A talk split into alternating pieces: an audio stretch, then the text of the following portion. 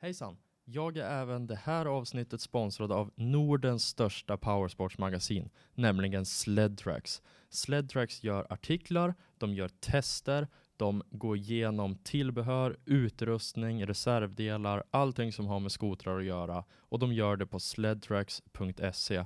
Gå in där och frossa i intressant skotermaterial. Sledtracks.se alltså, it's a lifestyle. Alltså, du, om, man, om man tänker kring allt som är kring laviner så det, handlar det mer om att man gör ett, eh, en, risk, eh, en riskanalys, brukar jag säga. Och det, vad jag menar med det då, det är att kommer det här få, vad får det här för konsekvenser om snön släpper? Och börjar man förstå det, och man förstår vilka risker man tar, då kan man börja undvika att ta dumma risker. Mm. Men om du kollar på Adam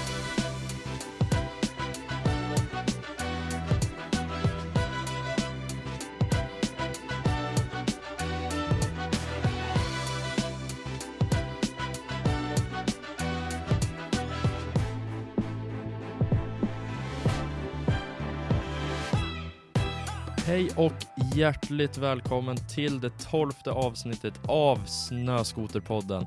Jul och nyårsfirandet är precis över. Jag har fått en kanonstart på säsongen och faktiskt lyckats lägga 25 mil på skoten, vilket känns riktigt, riktigt bra. I dagens avsnitt så kommer vi djupdyka i något som alla borde ha mer kunskap om, men som inte särskilt många prioriterar när det gäller skoteråkande. Man brukar prioritera hjälmar, utrustning, ha coola prylar på skotern, men man prioriterar inte lavinkunskap och därför är dagens gäst ingen mindre än Martin Borg, som är Sveriges främsta lavinutbildare för skoteråkare. Martin har hållit flertalet lavinutbildningar och skapat en egen nisch i den relativt lilla skoterbranschen samt hjälpt extremt många förare att köra på ett säkrare sätt. Varmt välkommen till Snöskoterpodden Martin Borg. Tack så mycket. Hur känns det att vara här? Ja, ödmjukt eh, så måste jag, ja, det är fantastiskt. Alltså det, det är sjukt kul att vara här och du har ju eh, hedrad att få vara med i Ja. en sån här podd. Vad roligt. Du är faktiskt en trogen lyssnare. Ja, jag har lyssnat på alla avsnitt. Jag kör mycket bil och det är fantastiskt bra att, att få input och höra vad personerna bakom industrin liksom och få, få höra. Ja, alla har varit verkligen, verkligen roliga att lyssna på. Mm. Jag, jag, jag försöker ju liksom lyfta fram personen, inte bara fokusera på vad du ska ha för styre, vad du ska ha för variatorkit, vad du kör för matta, utan jag vill, jag vill prata om personerna bakom. För det är så lätt att måla upp en fasad på Instagram till exempel. Ja, det, det, och det är ju den folk ser. Det är ju, det Ja, är ju, det är det. Man är, den offentliga personen är ju den, den man är på Instagram eller Facebook idag. Och det, är- det är lite tråkigt att man tappar den connectionen. Så jag tycker du gör ett jättebra jobb med det jag vill att du fortsätter länge Ja. och hålla podden i liv. Tack. Eh, jag, jag tänker att vi, vi börjar från början, för jag vet faktiskt inte jättemycket om dig som person, så jag skulle faktiskt vilja veta vart du är uppvuxen någonstans. Jag är född och uppväxt i Jämtland, Östersund. Ehm, Det är en bra stad. Utanför, ja, alltså Jämtland. Man är ju jämtlänning, surjämte Ja. i själen. Woolpower och eh, ja, nu får Westland säkert, eh, han, han har många historier om mig och Woolpower. Så att, eh, det är, ja, jämtlänning det är jag. Född och uppväxt på en liten bondgård utanför Östersund och det har varit hästar som mina föräldrar har hållit på med. Och jag hatar nu mer hästar, de gör sig bäst på en macka. Eh, jag är riktigt hatisk mot dem faktiskt. Men eh, all heder till dem för det de gjorde och de hade pension och driv för att hålla på med hästarna och eh, det har väl smittat av sig till den graden att jag har väldigt stor pension och jag lever ju för skoteråkning istället, eller motorsport generellt sett. Det är ju kul med effekt. Mm. det är andra typer av hästkrafter. Ja, exakt. Det, ju mer desto bättre, Ja, så kan man säga. okej. Men eh, du, du var aldrig inne på att du skulle bli bonde och ta över liksom bruket hemma? Nej, nej, nej. nej jag, alltså, fördelen med att växa upp på en bondgård är att du har ju haft, eh, vi hade ju massa små ängar och sådär som man kunde köra skoter och cross på. Mm. Eh, och fyrhjuling och sådär. Så det är ju det man har, var ju där man började med, med motorsport. Så att det var den bra delen och att man lärde sig hårt arbete. För hårt arbete det är ju det som tar en någonstans i livet. Så är det. Kliva upp även fast det är jobbigt. Exakt. Man vill inte alltid, men man måste göra det. Ja. Men vad, vad, hette stället? Där ni... Brunflo, eller Grytan. ah, okej. Så ni har passerat säkert, på väg upp till fjälls, många av er. Ja, det är säkerligen. Ligger efter E14. Jajamän. Så då, du höll på med bonderiet när du kom hem då. Du var tvungen att hjälpa till eh, när Ja, du kom mer- hem efter mer- skola och sådär. Mer eller mindre så har vi fått hålla på hemma på gården sedan vi var små. Och, eh, ja, det och sen höll jag på med, börja, förutom skoter och cross och sådär, så höll jag på lite grann med basket och det höll jag på med i många år och även på, gick på ett basketgymnasium Mhm. efter. Så jag gick energiprogrammet kombinerat med basket i Östersund. Okej. Så då, men energiprogrammet, vad, vad är det fokus på då? Eh, drift och underhåll, eh, typ eh, värmepumpar, pannor, eh, ventilation, ja, sånt som ger, ger värme och ljus i hus. Ja, just det. Jobbar du någon gång med det?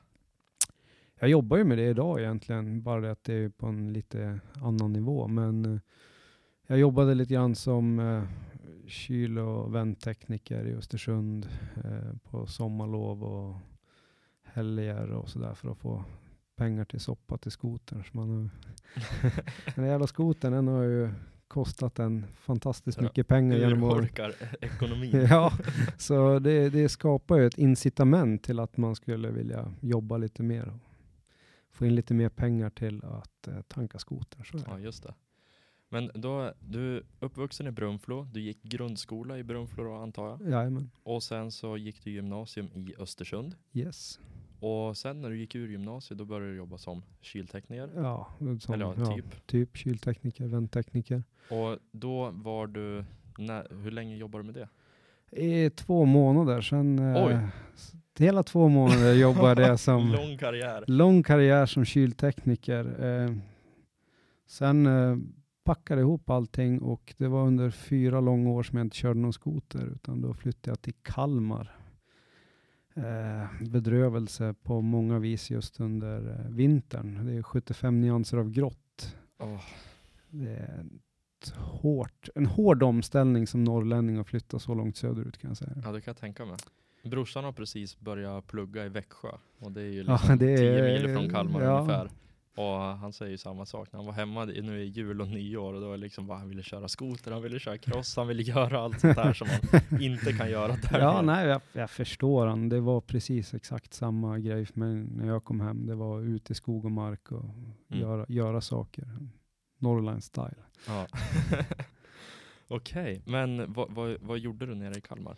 Jag läste fyra år till sjöingenjör eh, och det är egentligen en tjusigare form av driftingenjör som jobbar på båtar. Så vi jobbar ombord på båtarna och driftar båtarna och ser till så att man har framdrift och ljus och ja, ventilation och allt det jag lärde mig egentligen i grundskolan fast på en liten högre nivå. Mhm. Så då, du har ändå en gedigen vidareutbildning? Då. Ja, det vill jag säga. Fyra Ja. år på högskola känns som att det är okej. Var det roligt? Alltså tiden där nere, om man bortser från att man inte hade massa snö att leka i och jakt och fiske och sådär så var det ju ändå trevligt med allt festande och jag spelade basket då också och coacha och sådär det, ger andra vinningar som jag har igen för nu till exempel. Så att det, det, Mm. coaching är ju coaching. Om du ska utbilda någon så är det ju eh, det är väldigt sunt. Jag tror många skulle behöva testa och vara utbildare. Inte för att kanske jobba med det, men mer för att reflektera över hur man faktiskt eh, gör saker och ting. Jag tänker mycket med, med skoteråkning är ju, man, man får bygga upp ett muskelminne, man testar och gör någonting och sen sitter det där och sen vet du inte egentligen vad det är du gör. Om man har varit ute och åkt med Emil Arling så kan man ju fråga Arling, så här, hur fan gjorde du det där? Mm. Ja, vad, vadå gjorde? Ja, men man kan ju inte reagera, man måste ju agera. Ja. Och det är, man bara står där och så, ja, okej, och så får man börja fundera lite grann. ja. Så det, att, att reflektera över vad man gör och varför man gör någonting, det gör att man utvecklas själv, tror Ja. jag personligen. Ja men verkligen. Det, det tror jag också. Särskilt nu om jag hänvisar till avsnitt nummer, jag tror att det är avsnitt nummer tre med eh, Jocke Rönnqvist. Där eh, han skulle förklara hur man gör en, en rullvändning. Och det är ju så här bara, ja det sitter i musklerna, du vet hur du ska göra det när du hoppar på skoter. Men när du förklarar för någon hur du ska göra det, då är det helt plötsligt skitsvårt. Ja, det, det är ju nästan, därför man måste ju verkligen tänka igenom det, göra det själv och så göra sig, typ spalta upp det steg Mm. för steg. Vad är det jag gör Ja egentligen? men liksom verkligen tänka på vad man gör. Så där, du, har- du har verkligen rätt i det. det har, jag har inte tänkt på det innan men du har verkligen rätt i att man borde träna på att utbilda folk eller vad man ska säga. Ja, eller i alla fall i det man gör. Mm. Jag menar, då, då blir, tror jag att man kan utveckla det man gör också på ett annat vis. Verkligen. För det är ju faktiskt det du jobbar med idag delvis. Ja, både, både mitt jobb som teknisk chef, det är på fartygen, där utbildar jag mina killar som jobbar under mig till att bli bättre i, i deras roll och komma uppåt i deras karriärer. Så alla utbildar egentligen, men man tänker inte över det. Nej. Men det du jobbar med idag, liksom ditt huvudsakliga jobb, det är att du jobbar på båt eller fartyg i Ja. Norge. Jajamän, eh, jag är drift, driftingenjör eller teknisk chef på offshorefartyg. Så att eh, jag jobbar 28 dagar och sen är jag hemma 28 dagar. Fan skönt. Då finns det mycket tid för skoteråkning. Ja, det finns en god del tid till skoteråkning, det gör det, men också jag lägger ju väldigt mycket tid på, på mitt egna företag Safe Ride Sweden då, där vi, ja, med laviner och den biten. Mm. Jag, tänk, jag tänker att vi ska komma in på det lite senare, men jag är så jäkla nyfiken på det här Norge-jobbet som du har, för det man, man har ju sett eh, olika program på Discovery när det är folk som är ute på stora fartyg och sådär och det ser ju helt brutalt ut. Är det så i verkligheten också? Ja, jo, det, ska, det finns inget, det, det är verkligen mycket väder ute på Nordsjön. Det är fantastiskt mycket vågor, det är fantastiskt mycket vind och eh, den båten jag är på nu, den är 87 meter lång och 19 meter bred, men den känns ju som en tvålkopp av och till. Man åker runt som, eh, jag kan till exempel, det var inför påsk eh, för ett par år sedan, så var vi på väg in till Aberdeen för att vi skulle få resa hem till fira påsk hemma. Men om vi inte nådde in på torsdagen, eller onsdagen var det, onsdagen. Om vi inte nådde in på onsdagen eh, före lunch, då skulle vi inte nå flygen. Och hade vi inte nått flygen, då hade jag inte fått komma hem och, och fira påsk hemma. Så Oj. att alla var ganska motiverade att komma till land i besättningen. Så vi körde båten kanske lite hårdare än vad vi borde och eh, sjön rätt i sidan. Eh, det var bara att ge upp och försöka sova den natten. Utan jag gick ner så långt ner jag kunde i båten, ner till mitt kontrollrum, ner i, utanför maskinrummet som är längst ner och försökte lägga mig på golvet där och sova. Men jag låg ändå och for som en flipperkula mellan skotten. Så att det, herregud. det är mycket rörelse. Så dålig sömn är standard. Okej. Ja, jag misstänker att du inte blir sjösjuk. Det har hänt, jag har känt av det lite grann någon gång, men som regel så det, det har gått över. Flipperkula, men ja, inte Mm. riktigt sjösjuk. Du, nu kommer jag öppna en liten flaska här bara. Ja. Gött. Sorry. Ja, där, snyggt. Riktigt bra poddmaterial. Nej, men okej, så du, du jobbar där, du driftar de här motorerna och eh, du är borta en månad i sträck. Jajamän. Så det, Och eh, är, är det värt det? Är det värt att vara borta så långa perioder och jobba så mycket? ja, absolut. Eh, Man är ju en löneslav och de betalar ju faktiskt riktigt bra, norskarna. De verkar ha bra pengar i oljefonden fortfarande. Så att det, det gör att man håller motivationen uppe även efter 12 år. Mm. jag, jag kommer nog fortsätta en, ett bra tag till. Ja, ja, det är klart att pengar är inte allt, men det, det bidrar ju Det såklart. bidrar och sen ger det, det är ju det som har gett mig möjligheten att komma dit jag är idag.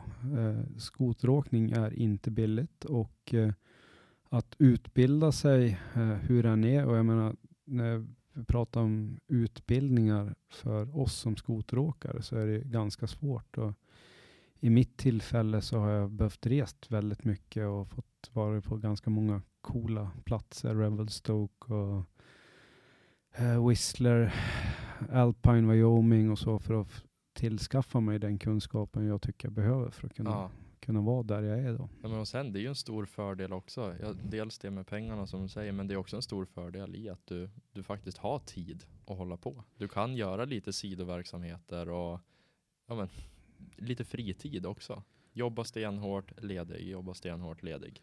Ja, och det, jag pratade med bland annat Falken om det, för vi, han och jag har pratat ganska mycket tillsammans tidigare och han, hur man gör liksom. Hur, hur kan man starta ett företag som ändå är så nischat som skoteråkning är och, och, komma, och komma vidare? Det, det är svårt att förlita sig helt på en, en sk- skoterbranschen, för den är inte riktigt mogen än som bransch tycker jag heller på, på just den biten. Nej, det är ju en väldigt liten bransch. Ja, och det är svårt, svårt att hitta.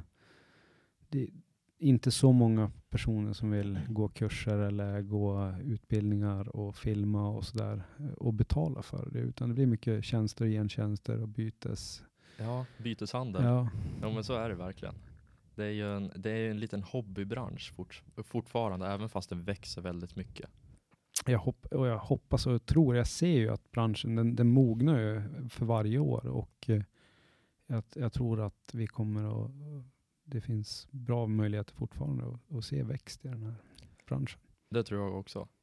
Men det du gör på sidan om det här, de här eh, båtjobben, det är ju då att du håller lavinutbildningar. Du, alltså du, du utbildar folk i lavinkunskap i korta drag. Du får gärna berätta lite grann, för företaget heter Safe Ride Sweden. Ja.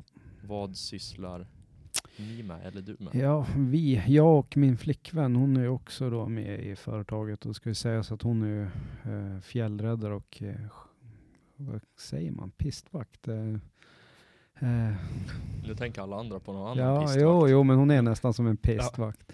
Men eh, skidpatrullen i Åre. Och, eh, så hon har ju väldigt mycket säkerhetstänk där och eh, lavinbiten och är ju hundförare i fjällräddningen med räddningshundar. Så vi har två labbar som håller på med lavinräddning. Det det, så hon och jag driver Safe Ride Sweden och vad vi gör det är att hålla lavinutbildningar, vi guidar eh, och eh, jag tar även på mig under guidningar. Så jag tycker om att se folk utvecklas och, och se folk som lär sig någonting. När man, när man ger dem några tips och tricks och man verkligen lär dem och skråa till exempel. Det är kanske enkelt för många av oss, men många har inte fått den där riktiga grunden. De kanske inte känner att de har helt kontroll, men att hjälpa dem att få den kontrollen och inte vara rädd för maskin. Det är, det är väldigt givande tycker jag. Alltså man ser Mm. dem växa som människor och den glädjen de, de får för maskinerna när de Ja, verkligen visst. får behärska den. De är inte rädd för den där 800 snurran längre, även fast det är en liten tjej på 50 kilo. Hon, Mm. Hon törs använda den. Mm. Det Det, det, är- där, det är det där kommer jag ihåg själv också från när min tjej började åka skoter. Det var så här, först var liksom lite halvskraj på gasen, men nu, nu är det liksom inget problem alls. Hon skjutsar mig och hon kör själv och hon eh, burkar på myrar och sånt där. Hon har inte kommit till skråkörningen, men bara det här att du avdramatiserar typ och välta med en skoter. Ja, Bara att du åker ut på en myr, du burkar så att du välter. Det kan göra så att du bara, okej, det hände ingenting. Jag gjorde inte illa mig. Det, det, var, det var ganska ofarligt. Då är inte den där som du säger 800 snurran, den är inte läskig längre. Nej, den hjälper ju dig. Den Ja, precis. Men nu ska jag också säga att min flickvän är den enda tjejen fått skrika åt använd bromsjäveln annars får du gå hem. så att hon är lite unik där. eh, eh, Men hon har ju kört mycket skoter på Åreskutan Ja, med sådana små A600 och när man då får en 800 så blir det lite annan. Ja, de där går, de eh, 600 Ace-motorerna, de går ju faktiskt att hålla fullt med utan att det händer jättemycket. Ja, de, de, håller ju, de håller ju, det är etta nolla reglering där tror jag, utan att veta riktigt. men, jo, det, men det känns så. Det är typ det. Jag har kört lite sån maskin. Så att.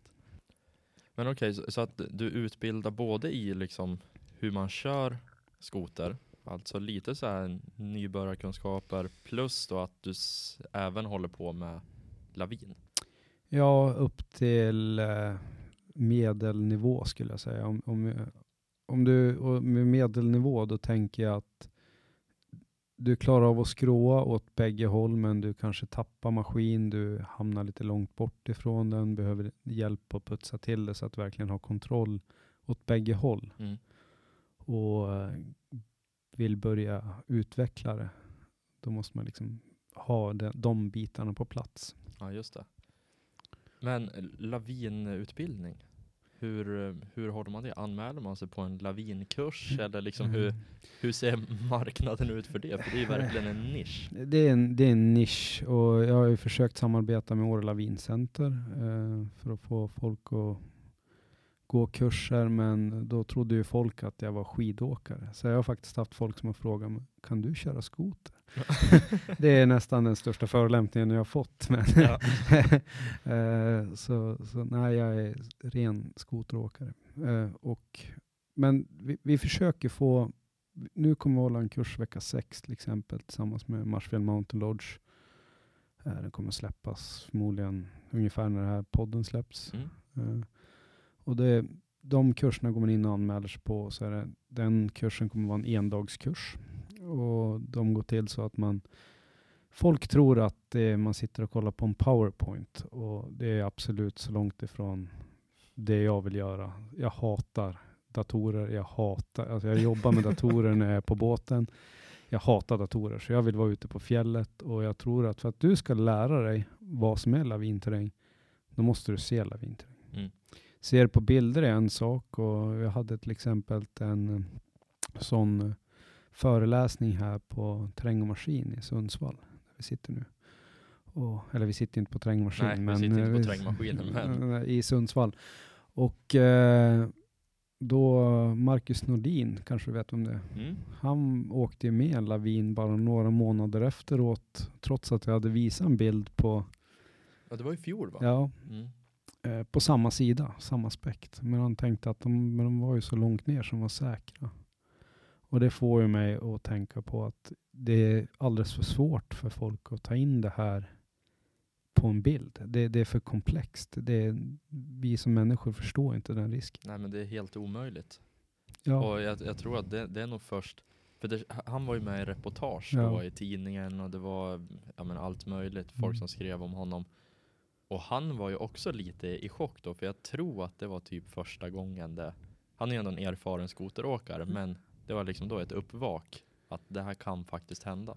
ja. Och all cred till Marcus och hur han delade med sig av den. Det, det, jag tyckte han var jättestark där och gick ut och beskrev det. Och delade med sig av den erfarenheten han gjorde. Jag själv har aldrig åkt med en lavin så jag, jag kan inte förmedla den upplevelsen han hade. Skulle du vilja, du som utbildare, skulle du, det låter jättekonstigt, men skulle du vilja åka med i en lavin i utbildningssyfte? I utbildningssyfte. det går ju såklart inte att göra det, men liksom skulle du känna att det skulle vara givande? Det kanske skulle vara det, jag vet inte. Jag får väl fundera på någon, eh, någon halvsäker sida som det Du bör, ju konsekvens. inte, du bör ju inte prova, för det är livsfarligt. Säger du det? Ja. Nej, men det, som, en lavin behöver, i sig behöver inte vara farlig. Eh, Alltså du, om, man, om man tänker kring allt som är kring laviner så det, handlar det mer om att man gör ett, eh, en, risk, eh, en riskanalys, brukar jag säga. Och det, vad jag menar med det då, det är att kommer det här få, vad får det här för konsekvenser om snön släpper? Och börjar man förstå det och man förstår vilka risker man tar, då kan man börja undvika att ta dumma risker. Mm. Jag menar om du kollar på Adam Tomelius när han flippar, för mig så ser ju det totalt livsfarligt ut. Mm. Alltså det, är- det, är- det är livsfarligt på riktigt om Mm. du frågar mig. Ja men det kan ju, det, där fattar man ju riskerna. Ja, För du ser liksom, ja du kan hamna under maskinen, du kan klämma dig, du kan liksom, ja men det är mycket som kan gå fel i ett sånt moment.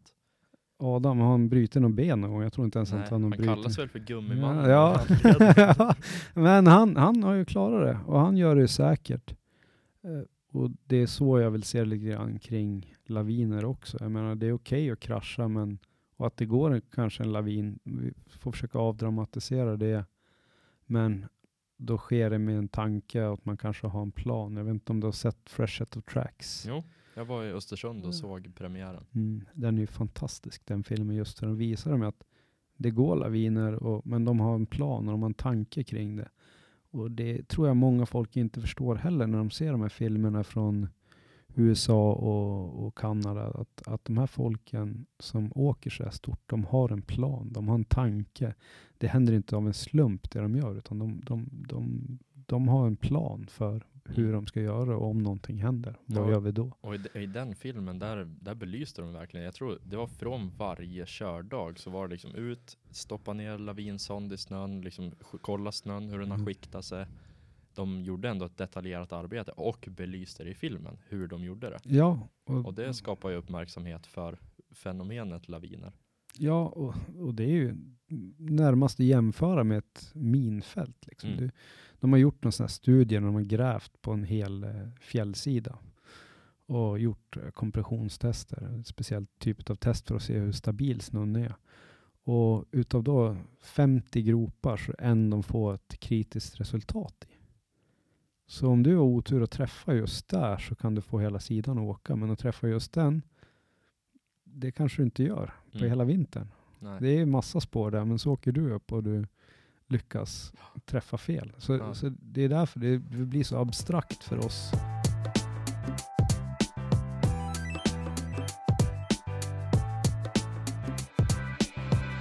Men jag, jag är helt, o, ja, typ helt outbildad. Jag, jag kan nästan ingenting om laviner. Jag bor i Sundsvall. Jag kör oftast, jag, jag kör inte oftast skoter i fjällmiljö. Jag kör ofta skoter liksom här omkring. Men eh, för mig är det liksom, det, jag, jag tänker inte riktigt på riskerna just för att jag inte är van med det. Däremot om jag åker till fjällen, då, liksom, då åker du ju ofta med personer som har varit med i laviner eller som har liksom någon slags erfarenhet. Så då blir man uppmärksam på det. Och sen så tänker man, okej jag ska inte dundra rätt upp på den här öppna fjällsidan för att det kan hända. Man håller sig oftast bland träden. Men liksom, jag är på den nivån så jag skulle vilja veta varför en lavin ens startar. Eh, du har en, ett glidplan. Alltså du, vi kan ta det här exemplet som vädret har varit nu i vinter. Det har ju varit ganska mycket blider eller töväder. Och så får du tö och snön smälter ju då tyvärr. Och vi förlorar vår pow-pow. Mm. Och så blir det kallt och så börjar det frysa. Och då får vi en crust eller en isskorpa på, på snön. Det blir ett glidplan för lavinen sen. För sen kommer det ju bli kallt igen och så kanske det blir rimfrost och så snöar det lite lätt på det här. Och så kommer det lite mer snö på det igen och så blir det ännu lite mer snö och så packas det här så det blir ett, ett hårt flak. Eller det, du har inte det här pow-powet men det är fortfarande löst men det kanske är något hårt lager, som vindpackat. på ja. kan glida på den här hårda snön som ligger Exakt, under. så det blir som en sandwich, en GB sandwich som har legat i solen och blivit varm. Ja. det var en bra liknelse. Ja, jo, men det, det är lite så. Och då, det här rimfrosten som ligger där då, det kan man likna med dominobrickor, säger vissa. Och då, du får en att falla så faller alla. Det, eller snön klarar inte av att hålla lasten längre. För att du kliver ut på det här snöfältet eller att eh, det har drevat på mer snö eller det börjar snöa eller regna, väderförändringar som gör att du får mer last på det här snötäcket så du inte klarar av att bära lasten. Och då åker du ut för fjället. Mm. Och jag vill också säga det att ni kommer förmodligen inte kunna köra från en lavin heller. Marcus, han trodde ju att de, det är lugnt om det kommer, vi hinner köra bort härifrån. Men de kan ju gå ända upp i 160-170 km i timmen. Så att en modern mountainmaskin klarar väl av kanske 110. Ja, alltså även om en maskin går 140-150, det är svårt att köra det i terrängen. Ja, det är det. Så att, eh, nej, ha Ja, respekt för det. Ja, ja, verkligen. Men har du något tips på vad man kan göra för att inte utlösa en lavin när man kör skoter? Du bör hålla dig plattare än 30 grader. Okej, men om man är ute i fält, jag har inte en, om man inte har en gradskiva med sig, vad, Eh, hur vet man när, när är det 30 grader? eh, mitt proffstips är att köpa en kompass med en gradskiva i. Det använder jag. Okej. Du har kanske har det på telefon också, kan du också ha en gradskiva. Men vad då? man vill ju gärna åka där det är riktigt jäkla brant. Ja, det vill jag också. Men det är vissa dagar då jag, du har eh, lavinprognoser.se till exempel. fantastiskt hjälpmedel att gå in och se vart, vilka fjällsidor vi ska undvika för dagen. Mhm. Så det uppdateras dagligen? Dagligen får en prognos, eller där de, där de tar fram sina största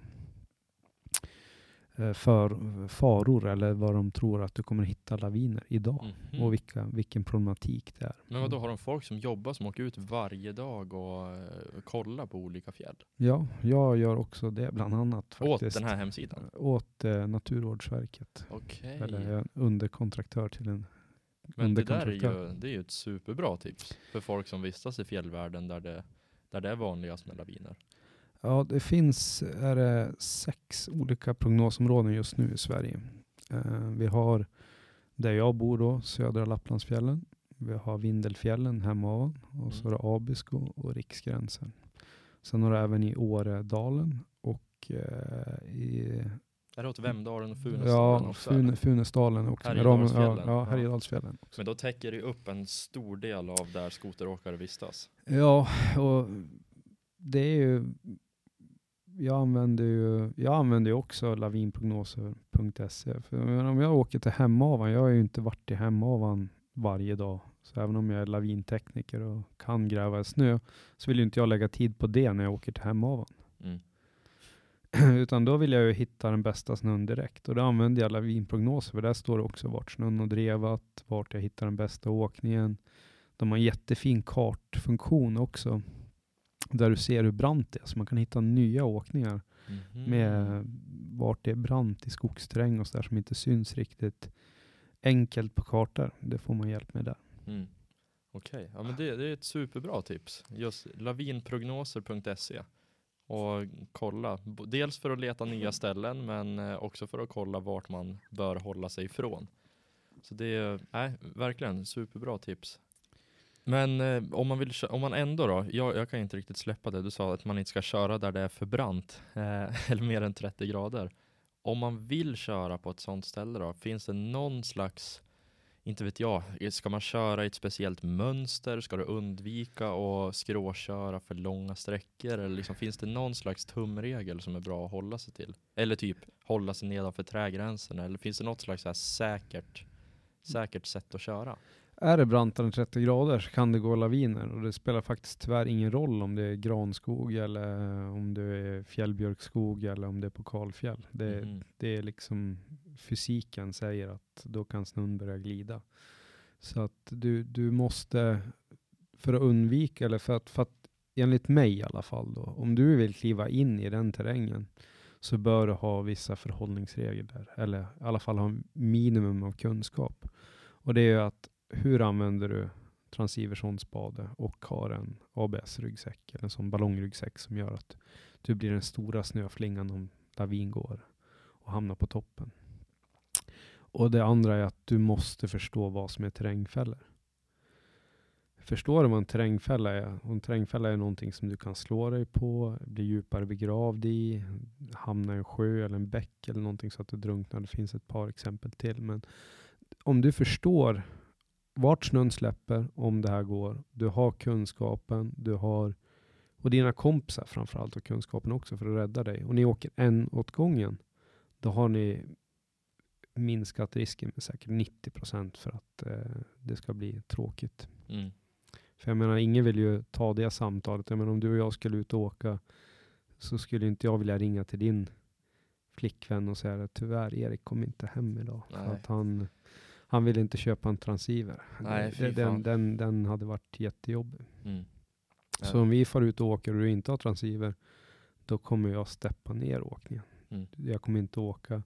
Och därför är det många som tror kanske att jag inte åker så brant eller jag inte åker så stort. För att det är väldigt sällan jag är med med folk som har den kunskapen som jag tycker behövs för att vi ska kliva ut och åka aggressivt.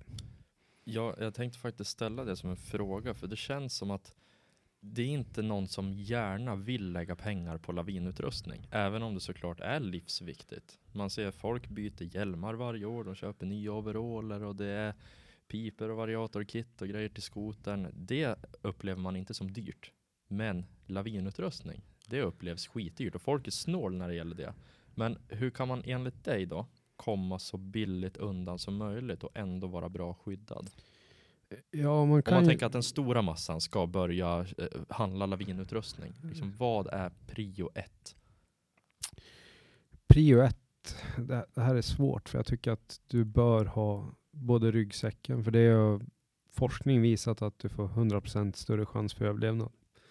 100% är eller dubbelt så stor chans för att överleva. Det, det tar jag vilken dag som helst. Men en ryggsäck kostar typ 6 500. Ja, Ja, typ från 6 000 egentligen. Ja, Och sen så ska du ha en, en eh, kolsyrepatron eller vad heter Ja. det? Ja, som utlöser eh, airbagen. ja, Men då om man börjar liksom säga så här, okej du ska ha en spade, du ska ha en sond, du kanske ska ha en såg, du kanske ska ha en, ja du ska ha en sån här lavinryggsäck. Helt plötsligt är du uppe ska i, ha ett första förband. ja första förband, transceiver, helt plötsligt så är du uppe i över 10 000 kronor. Och då kän, känns det som att då, då tappar man väldigt många. Ja, Men liksom så här, vad, vad är prio ett? Ska du ha transceiver eller ska du ha lavinryggsäck? Vad är det bästa? Ehm, hmm. Det är en jättesvår fråga. Alltså det är, enligt, enligt Naturvårdsverkets lavinexpert Stefan Mårtensson så säger han lavinryggsäck för det är faktiskt påvisat att eh, du, du får en större chans att överleva. Personligen så tycker jag att det vore jättebra om alla hade en transceiverson-spade. Eh, så vad väljer man? Ja, jag har ingen utav dina kompisar någonting och du känner dig osäker och du kan inte motivera dem att köpa transceiverson spade. Ja, men då är det ju en ryggsäck. Men annars så, ja, jag vill i alla fall ha transceiver alltid på mig. För jag skulle aldrig kunna leva med att jag inte ens kan försöka hitta min flickvän eller min bästa kompis eller de jag är ute och åker med. Mm. Den, den hade jag inte, jag hade inte levt med mig själv. Nej, det, alltså det känns som ryggsäck är en, vad, vad, ja det heter ju lavinryggsäck. Det är ju jättebra för personliga säkerheten. Mm. Du räddar dig Det själv. Men om din kompis hamnar i en lavin, det är bara ett stort snötäcke, allting är begravt. Då har du ingen aning om vart du ens ska börja leta. Om det är ett område på 200 meter eller en fjällsida på 200 meter som har gått. Ja, nej, det är, Så då är det ju transceiver som är jätteviktigt. Men det bygger ju på att alla i gänget har en transceiver så att alla är sökbara. Och det är ju ganska enkelt. Jag menar, I vinter så kommer jag inte ut och åka. Jag hade en kille som skrev till mig här eh, i Saxnäs. Så kan du följa med ut och åka? Eh, Ja, så hade jag en dag över, eh, några timmar över. Ja, jag kan följa med ut och åka. Har du transceiver? Nej. Nej, så då missar han möjlighet att ut och åka med mig som faktiskt guidar området. Så hade Mm. han haft transceiver, sond och spade och gärna utbildning också, ja men då hade det varit mycket enklare för han att få åka med mig. Mm. Så han vart ju bortvald bara därför. Då, så att jag tror att det är där vi måste börja. Alla måste börja skaffa den här utrustningen för att kunna åka stort. Mm. Och det är ju där vi vill. Du säger ju själv, du vill ju åka brantare än 30 grader. Ja, exakt. Men nu vet du hur brant du åker? Du säger Nej, jag grad. vet ju inte det. Men 30 grader låter ju skitfjuttigt om jag tänker att 90 grader, ja det är helt rakt. 60, ja 30, ja visst det är väl brant men jag vet inte riktigt heller. Vet du vad genomsnittslutningen på en svart pist är? Nej, jag, jag har faktiskt ingen aning. Det är bara att jag tycker att Ja. 30, 22 grader. grader är en svart skidbacke. okej, ja men då är väl 30 grader. Ja, Genomsnittlig ja lutning. exakt, ja men då är det väl rätt brant Det kan jag tänka mig. Fullt tillräckligt. fullt tillräckligt. Jag, jag, kan stanna, jag har tagit en bild när jag stannat när det är 50 grader brant där jag parkerat, sen körde jag därifrån. Så du kan åka otroligt brant med en skoter också. Mm. Men 30 det är, det, det är brant. Det är brant, du känner det. Du gör det. Ja ja, men om vi ska sammanfatta hela det här lavinsäkerhetstänket då. Kan man, kan man göra det på något, på något enkelt sätt? Kan vi sätta upp typ, ja, inte vet jag, tre punkter? Så här, det här ska du tänka på för att köra på ett säkrare sätt eller ha en säkrare tillvaro när du kör skoter. Du, ja, det är svårt att sammanfatta det till tre saker egentligen, för det, det är ett komplext pro, en komplex problematik. Eh, det, det de brukar säga i USA, get the forecast, get the knowledge, get the gear. Alltså skaffa, ta lavinprognosen, lavinprognoser.se. skaffa kunskapen, alltså så du vet hur du använder den här utrustningen för att hitta din kompis. Och eh, tre, eh, Ja, utrustning. utrustningen. Att du har den utrustningen som också ska, ska vara med. Ska vi säga, ska vi, kan man råda skoteråkarna som lyssnar på den här podden till den utrustningen de ska ha? Eller är det tips att de ska köpa allt? Jag säger köp allt. Är, om du tar ut det samtidigt som du tar ut skotern så blir det en merkostnad på typ 10 000? Ja, 10 000. Men om du tar det på avbetalning så är det, det är inte många kronor i månaden på skoterkostnaden. Om ni väljer att ta det samtidigt. Och det kan säkert er handlare hjälpa er med. För de kan ta hem det. Grymt!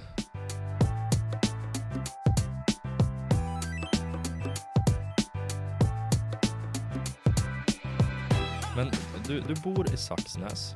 Eh, du håller på att bygga hus eller stuga eller vad? Ja, det, är, det är väl en liten villa, ganska stor stuga. 135 kvadratmeter hus. Okej. Och eh, nu, du guidar i Saxnäsområdet. Ja. Kan du ge något tips på vart det är riktigt fin åkning i Saxnäs? Hemlig aura. Alltid. Alltid hemlig aura. Nej, men det, det blir ju lite sån yrkeshemligheter. Um, det, gå ut på podden. Hur många lyssnare har du? 2 500 Ja, lyssnare. ungefär. Och de flesta kommer sitta och lyssna på det här på väg upp till Saxnäs och Lodgen. Mm. Jag tror inte Vestland blir så glad. Jag tror, fast i och för sig, jag kanske skulle kunna ge några till, utav Edvard Lundbergs ställen. Eh, så han blir glad. Mm, det är bra. Göra sig ovän med alla i branschen.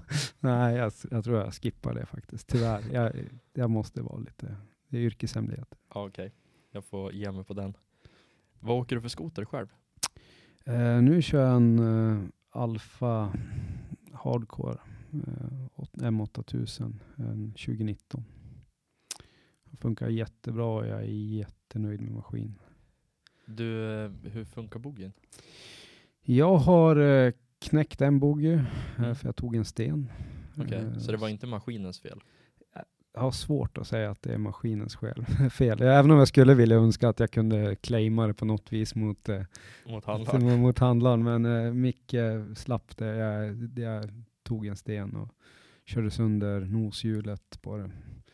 Eh, så det, det klandrar jag inte Artcat för faktiskt. Utan, sen många säger det att Nej, men den är så nervös och du får washout. Och, Ja, det var det jag tänkte. Det var därför jag frågade hur boggen funkar. För det känns som att det är en det känns som att det borde bli många washouts där, där mattan liksom glider ut från branten. Eh, både ja och nej. Eh, det, det den gör, det är att man måste ändra sin körteknik lite grann. Du måste verkligen fundera på vart du har kroppsvikten på maskin. Och igen, då kommer vi tillbaka här med det reflekterandet över vad man gör och Mm. varför blir det som det blir. Eh, och det, det kokar ju ner till vart man sätter fötterna på fotsteget. Det är om du sätter foten långt bak, du, vill, du har en maskin som går mycket på rulle, ja men då kommer den att vilja uppåt. Är du van att hela tiden stå långt bak, du har högt styre, då kommer du att flytta vikten längre bak och maskin kommer att rotera uppåt. Mm. Så jag har lågt styre och jag jobbar långt fram på maskin för att undvika just washouts. Um, så många säger ja men det är som en T-motion, men jag tycker jag, jag klarar inte av en T-motion. Men Det är skillnad alltså? det, det är inte som en T-motion. Hmm. Ja, jag åker ju Polaris själv, så det där är ju en helt ny värld för mig. Liksom nu, jag är ju van att när du sätter skoten i en brant, då behöver du inte tänka egentligen. Den är väldigt lugn, väldigt sansad, kanske lite tråkig ibland, för att den, den reser inte lika lätt som en BRP och den är liksom, den är väldigt förutsägbar. Men nu, jag som åker av Polaris, det, en washout, det är ju typ inte ens att tänka på. Nej, jag är själv, jag kommer ju från Polaris. Jag körde Polaris från tidernas begynnelse till 2016 var sista. Va? När Jag hade- kom, Ja, då slutade de med Polaris. ja, jag vet, jag är lite bakåtsträvande. Nej, men det var det är många orsaker. Bland annat att jag flyttade upp till Saxnäs i den vevan och vi har en Articat eh, verkstad i byn och centrallagret för delar låg förut i Storuman och eh, Micke Yngvesson eh, har fantastisk service. Så att det gjorde ju att det vart nära till hands för mig att byta och Vesslan på lodgen, han hade ju, ja, han vart lite sur när jag får upp och parkera Polarisen ovanför honom. Så då var, vart det byte av märke i, i 20, 2000, till 2017. Och det ska sägas också, en, eh, jag är ganska ärlig med vad jag tycker om maskinen och en Articat 16 kontra en 17 märker du jättestor skillnad på när de sänkte drivaxeln. Mhm, Det är skillnad alltså? Ja, det är gigantisk skillnad. Den vill, den vill kliva upp på snön. Det, Mm. En 16 är mer st- gräva ner sig, Ja, ställa sig för, rätt för upp. min förutfattade mening, det är min högst personliga, det är min högst personliga tanke. Men det är att Articat ligger lite efter, eller har legat lite efter i utvecklingen. I Ja. alla fall om man jämför mot BRP och Polaris. Ja, jag skulle vilja vara enig fram till eh, sju- 18 egentligen. 17, där hade de problem med boggningen i botten. Ja, just Eh, det. Men det tycker jag att det finns ju de som åtgärdar det. Men jag, jag, jag skruvar när jag är på jobb. Så när jag är borta den här månaden på båten och när jag kommer hem, då vill jag inte skruva. Nej. Jag vill gå ut, rycka snöret och åka. Eh, jag orkar inte hålla på och modda maskinerna, så jag är en jättetråkig kund för, för alla företag. Jag, sån, jag vill bara att det ska vara standard, basic eh, grejer så jag kan hitta delar på hyllan. Men du ska bara komma ut, vrida på nyckeln, rycka igång och Ja. åka liksom. Ja, och, och då Articen har ju det. Du har ju dämparna, du har en motor som har bra gasvar, du har variatorerna. Jag tog bort en bricka i, eller det var inte jag, det var handlaren, för jag sa det att jag tyckte original-setupen var dålig, så tog de bort en bricka i, i korset på primären och då fick jag, fick jag ut det jag ville ha utav motorn. Vad var det för skillnad då? Fick upp tillslaget till Ja, så han var lite ja, aggressiv. Ja, fyra och två typ. Så att maskin färdig direkt ur lådan. Jag behöver inte röra någonting förutom att sänka styret. Det är jäkligt bra. Eh, Det känns faktiskt som att skotrarna idag, de börjar bli lite som, som krossare. Alltså det, det är ju inget problem att ta en, eh, en cross direkt ur kartong, ge ut, köra stenhårt på en crossbana och liksom hoppa gigantiska hopp och så här, det är ju inget problem. Den är ju byggd för att klara och, och alltså och ta stryk. Men en skoter, du kan ju inte ta den ur kartong, direkt ge det ut på en crossbana. Den kommer ju gå sönder. En Den är- skoter, skotercrossbana, då tror jag du viker ihop en Ja, mountainmaskin. exakt. Nej, men alltså, det, det går ju inte. Men nu, skotrarna börjar bli så bra idag så att du behöver ju kanske inte ens byta dämpare egentligen. Originalgrejerna är bra som de är. Ja, det tycker jag. Det, det kan ju vara lite grann så här, för jag menar, man ska ju också ha respekt för till exempel de som hoppar stort. Ja, jo, alltså, absolut. Så, och, och hur använder du maskin? Det är ju jättestor skillnad. Vad som är friåkning för dig Erik kontra min friåkning. Mm. Det kan vara två helt olika ting. Jo, så är det ju. Det är ju liksom Eh, personliga grejer. Men det känns som och- att det börjar ändå bli så här jäkligt bra maskiner idag. Absolut, de är fantastiska. Det är ju jättekul. Ut, ryck snöret, åk, Ja, krascha. faktiskt. Du, eh, nu har vi snart spelat in i en timme. Hur tycker du att det har känts? Men helvetes, det kanske man inte får säga, men det gick jäkligt snabbt. Ja, men det är bra att det har gått fort. Ja, jättekul att sitta och snurra, surra skoter och laviner, det kan jag göra dagarna ända. Eller det gör jag ju dagarna ända, så Ja. det, är väl, det är bara en vanlig dag på, på jobbet om man säger så. Kul att du tyckte det var roligt. Om man skulle vilja komma i kontakt med dig, hur gör man då? Ja, Instagram, s- eh, Safe Ride Sweden, at Safe Ride Sweden. Eh, Facebook, antingen mig privat, Martin Borg, eller på min Facebook-sida. Eller så kan ni mejla mig på info at eh, saferidesweden.se. Toppen. Skulle du vilja säga någonting som jag inte har frågat om? Ja, att eh, jag önskar verkligen att eh, vi börjar, att folk börjar tänka på säkerhet för att det här får konsekvenser för friåkningen. Vi kanske inte tror det, man tänker att ja, men det spelar inte så stor roll, men tyvärr så visar det sig att när det händer lavinolyckor, Ansätten kanske har varit och åkt i, det är ju- gick en lavin där och då vill de helt plötsligt förbjuda friåkningsområdet där. De vill ta bort det för att folk river laviner. Det är, ju- det är ju fel. Men om inte vi kan ta hand om oss själva, om inte vi kan verkligen visa att vi är seriösa i det vi gör, att vi tar ansvar för vår egen säkerhet, då ger vi dem eh, vatten på kvarn så att säga. De, de, de kan börja använda det som ammunition emot oss och vi vill ju, det är ju en av grundorsakerna till varför jag startar Safe Ride Sweden är ju faktiskt att jag vill värna om vår friåkning. Det, alltså det, det där, där säger du verkligen någonting och det gäller ju egentligen allting, inte bara laviner. Det är Ja. så här, sköt er för Mm, fasen. ja, ver- Alla skoteråkare där ute. Kör inte på eh, nyplanterade hyggen eller kör sönder för markägare för folk får skoterhatare och motståndare får vatten på sin kvarn. Ja, och det- det är inte så jäkla svårt att fundera lite grann på vad det är för bilder man lägger upp heller. Jag tycker det, där, det blir fort gjort att man bara filmar någonting som är jävligt coolt. Ja men när du står, inte vet jag, du har kört fast i en blöt myr och står och bara river upp liksom ja. allting. Ja, kanske jätteroligt där och då men det får konsekvenser. Och det handlar inte bara om att lägga upp men liksom förstör inte, använd sunt bondförnuft. Ja, det, det är verkligen, verkligen. allt. Och Jag, kan, jag, jag vill helst bara umgås med sådana människor som tar ansvar och är, seriösa i det de gör. För det blir så mycket, det blir så mycket trevligare att vara ute. Och det, det är faktiskt så att om någon hör av sig till mig så kommer jag stalka dem lite grann och kolla upp dem, vad, de, vad det är för typer av personer. För jag, jag kan, det kan absolut hända att jag tar med mig vem som helst ut på en tur, men då måste de verkligen visa att de, de hör hemma i den miljön. Jag vill inte ta med mig, eh, jag kan ta med mig riktiga blåbär, helt nybörjare, för att lära dem grundläggande teknik på en myr. Det är inget problem, men ska vi, vill de, säger de att de kan köra på riktigt, de, säger du att du kan köra på riktigt och du inte har den här utrustningen, då har vi då, Ett problem. Då, ja, då har vi ett problem. då, då får ni stanna hemma. Ja, det är bra. Martin Borg, stort tack för att du tog dig tid att komma hit och förgylla Snöskoterpodden. Tack själv. Jag menar tack för att jag får möjligheten att lyfta lavinproblematiken och att eh, jag får möjlighet att kanske nå ut till någon och få dem att börja tänka till. Nöjet på min sida. Tack, tack. Tack, tack.